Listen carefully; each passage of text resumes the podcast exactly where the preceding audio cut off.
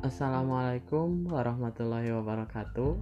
Kembali lagi saya Ramdan Darmawan dengan NIM 1902348. Di podcast kali ini saya akan berpendapat mengenai pemaparan dari kelompok 9 chapter report PIPS.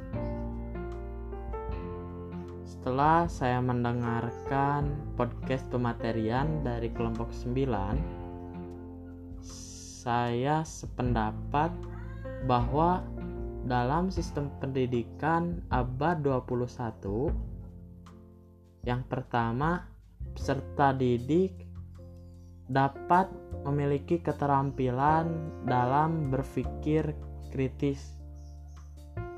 Yang kedua, peserta didik juga harus dapat berkomunikasi serta berkolaborasi dengan orang lain yang ada di sekitarnya.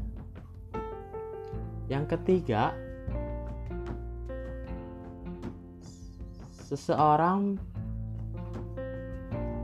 peserta didik harus dapat membaca suatu hal yang di mana ini termasuk dalam perspektif literasi.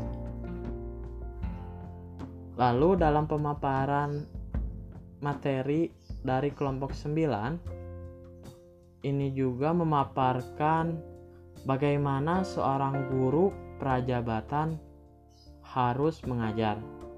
Misalnya dalam pemaparan tersebut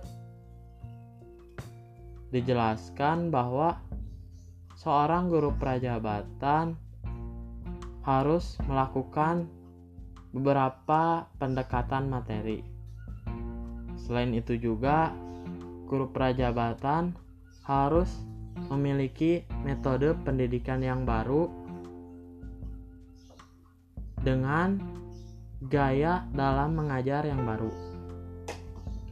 Namun, dengan adanya pernyataan demikian membuat saya sedikit uh, ingin mengetahui bahwa menurut pandangan kelompok 9 cara mengajar dan metode seperti apa yang dapat diterapkan untuk menjadikan hal itu dapat terrealisasikan di abad 21.